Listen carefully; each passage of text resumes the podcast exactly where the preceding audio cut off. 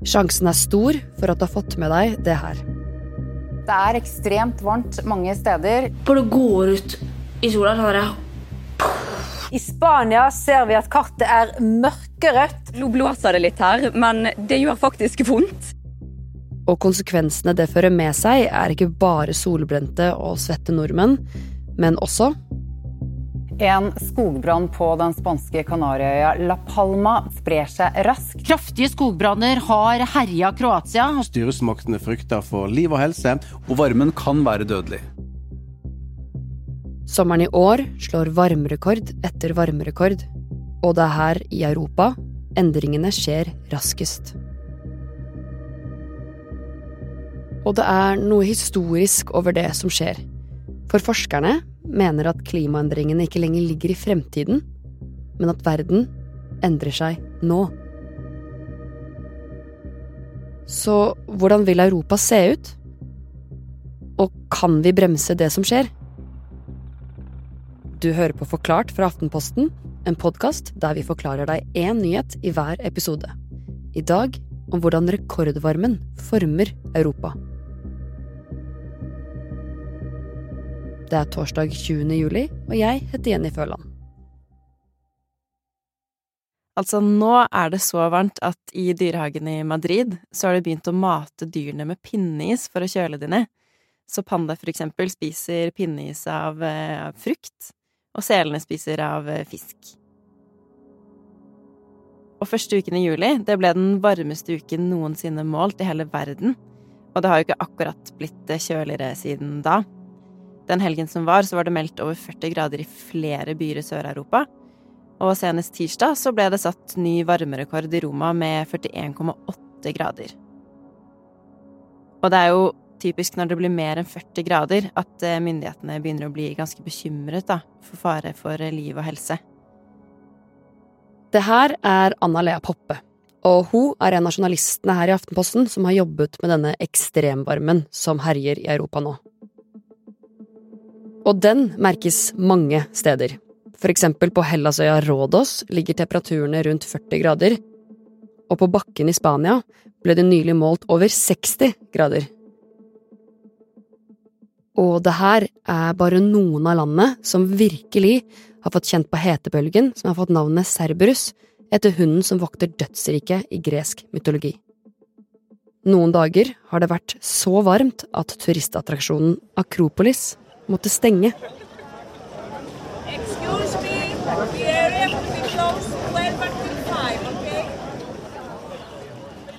Greske myndigheter har innført flere tiltak. I noen kommuner så har de blant annet åpnet eh, bygninger for offentligheten, eh, der hvor de har aircondition, sånn at eh, folk kan søke ly fra varmen der. Og før de stengte Akropolis, så hadde de plassert en ambulanse like ved turistattraksjonen, og der sto helsepersonell klar til å hjelpe turister i varmen. De har også innført noen litt mer inngripende tiltak. Blant annet så var de tidlig ute med å stenge skoger og naturreservater fordi de var redd for skogbrann. Men nå har de jo brutt ut skogbrann likevel. I Europa, som er der den globale oppvarmingen skjer raskest, er det ventet sterkere hete enn det noensinne er blitt registrert. Nå kryper gradestokken nærmere og nærmere den europeiske varmerekorden, som ligger på 48,8 grader. Anna-Lea, hvorfor er det så varmt? De klimaforskerne jeg har snakket med, de peker på tre hovedårsaker.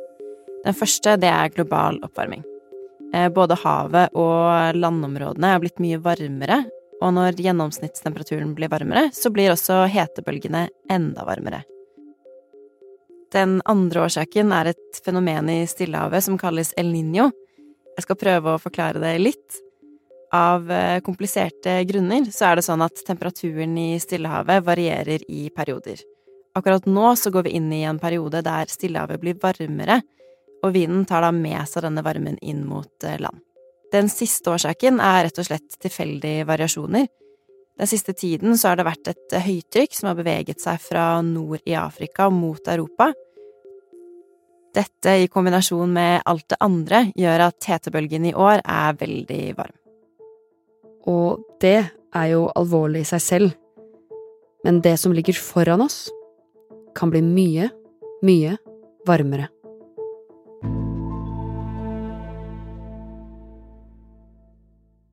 Anna-Lea, hvordan påvirker denne varmen menneskene som bor i disse landene? Det påvirker dem på flere måter. Eh, når det blir eh, veldig varmt, så kan man jo lettere få hetekrampe, heteslag og bli dehydrert. Og de som er syke fra før, de kan bli enda sykere. I fjor så var det også en hetebølge på denne tiden. Eh, den førte til over 61 000 dødsfall, ifølge en stor og anerkjent studie. Og i fjor så var det Italia som ble hardest rammet. Mm. Og i år er det enda varmere? Ja, det er det. Men hva er det de dør av, da? Flere dør jo av heteslag i seg selv, eller av slag. Eh, men det er jo også en grense for eh, hvor høye temperaturer selv friske mennesker tåler. Og ved 50 grader så nærmer vi oss den grensen. Og vi er jo ikke der helt ennå, men selv høye temperaturer som 40 grader, det kan bli veldig varmt for mennesker i lengden. I tillegg så er det jo også noen bakterier og sykdommer som overføres lettere i varmen. Og man blir rett og slett litt sløvere i varmen, så det øker risikoen for ulykker. Og alt det gjør at helsepersonell får mer å gjøre, så derfor så kan det ta lengre tid før man får tak i en ambulanse. I tillegg så øker risikoen for eh, skogbranner og ekstremvær når det blir veldig varmt. Minst 2000 personer er evakuert pga. en skogbrann på Kanariøyene i Spania. Det spanske sivilforsvaret har nå trappa opp evakueringer på Kanariøya La Palma etter at en skogbrann har kommet ut av kontroll. I Sveits sprayer flere skogbranner seg, og det er satt i gang evakuering i flere fjellandsbyer. Rundt 2000 brannfolk Forsvaret og politiet kjemper mot uh, flammene. These events will continue to grow in intensity, and the world needs to prepare for more intense heat waves. Kommer det her til å bli den nye normalen? Nei, de forskerne jeg har snakket med, sier faktisk at det kan bli mye verre. At det er kaldere i år enn det den nye normalen vil bli. Det er jo litt skummelt å tenke på. Det sier faktisk at om 10-20 år så kan de rekordhøye temperaturene vi ser i dag, faktisk virke ganske kjølig. Og det er det klimaforskerne frykter om årene fremover. At dette bare er starten. I tillegg til eh, klimaendringene som vil eh, gjøre kloden hetere, sier klimaforskerne at utslagene fra El Niño, dette værfenomenet i Stillehavet, sannsynligvis vil merkes mer utover høsten og neste år. Og de sier at eh, det er ganske sannsynlig at vi vil få rekordsterkt og rekordskadelig ekstremvær i årene fremover. Og dette får også en selvforsterkende effekt. Ekstremvær skaper mer ekstremvær. Både hetebølger, skogbranner og ekstremregn henger jo sammen. Når det blir varmere, så fordamper det mer vann fra landområdene og havene, og det gjør at landområdene blir tørrere og legger mer til rette for eh, skogbrann. Og når mer vann fordamper, så stiger det til værs, så da blir det mer vann som må ned igjen senere. Så når regnet først kommer, så blir det da enda kraftigere. Og hetebølgene påvirker ikke bare mennesker og skog, men også havet. Og der er konsekvensene også store, men mindre synlige. Det er hetebølger i havene også.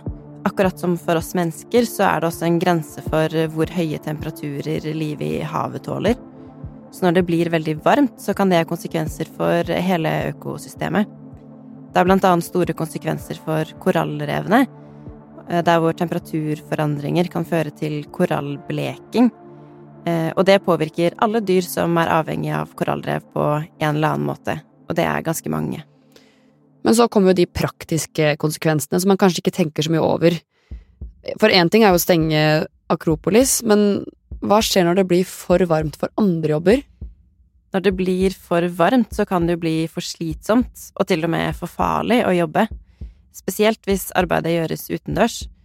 Og det kan jo føre til at eh, viktige arbeidsplasser må stenge ned.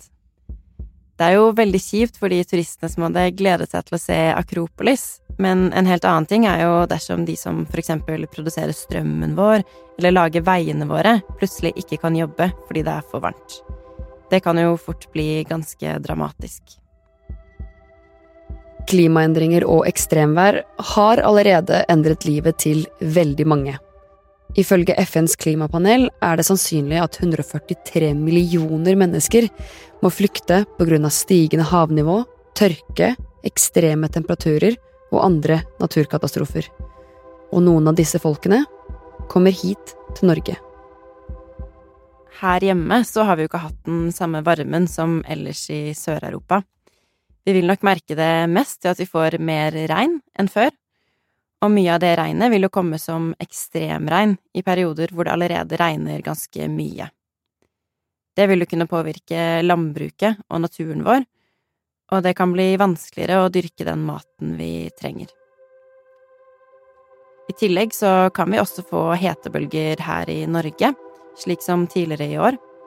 Og når det blir varmere generelt, så vil jo også disse hetebølgene kunne bli enda varmere. Så vi vil merke endringene her hjemme også? Jo da, men vi i Norge er nok ikke blant de som vil kjenne det mest. Men det som er litt eh, viktig å huske på, er at eh, også vi er veldig avhengig av de områdene som faktisk rammes ganske hardt av dette. Vi importerer blant annet mye mat fra områder som preges av hetebølgen, så hvis de ikke får produsert like mye mat som de pleier, så kan jo vi få mangel på noen eh, matvarer i butikkene. Eller de varene kan bli veldig dyre. Og hvis det blir veldig varmt sørover i Europa, så kan det jo faktisk hende at søreuropeere kommer til Norge på ferie for å ta en eh, pause fra varmen. Og bare for å gjenta det, det er sammensatt hvorfor Europa opplever en sånn varme for tiden. Og ja, forskerne tror det her bare er starten. Anna-Lea, hva kan man gjøre for å bremse utviklingen? Det er jo ikke alt vi har kontroll over. Værfenomener i Stillehavet og om det er lavtrykk eller høytrykk, det er jo helt utenfor vår kontroll. Men det du og jeg kan gjøre for å bremse dette, er jo å være mer miljøvennlig i hverdagen. Det er jo ting som vi har hørt før. Vi kan spare strøm, fly mindre, spise mindre rødt kjøtt, blant annet. Men det forskerne sier er viktigst, eh, er det som skjer over meg og deg. De store grepene for å kutte CO2-utslipp. Og er særlig kutte bruken av fossile brensler til å produsere energi. De sier også at det er veldig viktig at vi tilpasser samfunnet vårt eh, fremover til varmen. For det kommer til å bli mye varmere fremover, og det vil gå ganske fort. Så byer må kunne tåle mer regn, landbruket må tåle mer varme, veier må sikres og kunne tåle mer ekstremregn. Så det er egentlig bare å innstille seg på at det, det kommer til å bli ganske mye varmere fremover.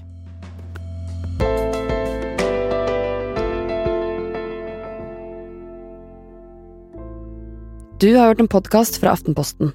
Det var journalist Anna Lea Poppe som forklarte deg hvordan Europa nå formes av rekordvarmen. Du har hørt lyd fra TikTok, NRK, TV 2, Dagbladet, VGTV og nyhetsbyrået AP. Denne episoden er laget av produsent Anders Weberg og meg, Jenny Føland. Resten av Forklart er Synne Søhol og Olav Eggesvik.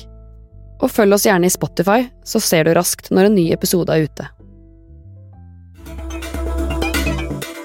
Det finnes spørsmål som ikke er så enkle å google seg fram til. Typ renta. Hvorfor må den absolutt opp, opp, opp? Altså, Finnes det ingen andre løsninger? Og hva skjer med oss og samfunnet når vi vurderer å rate hverandre hele tida? Og hvorfor straffer vi folk til fengsel selv om de ikke gjorde det med vilje, som han vaktsjefen på fregatten Helge Ingstad? Hva er poenget? Jeg heter Marit Eriksdatter Gjelland, og i podkasten Dypdykk nerder jeg kollegaene mine på tema som former tida vi lever i.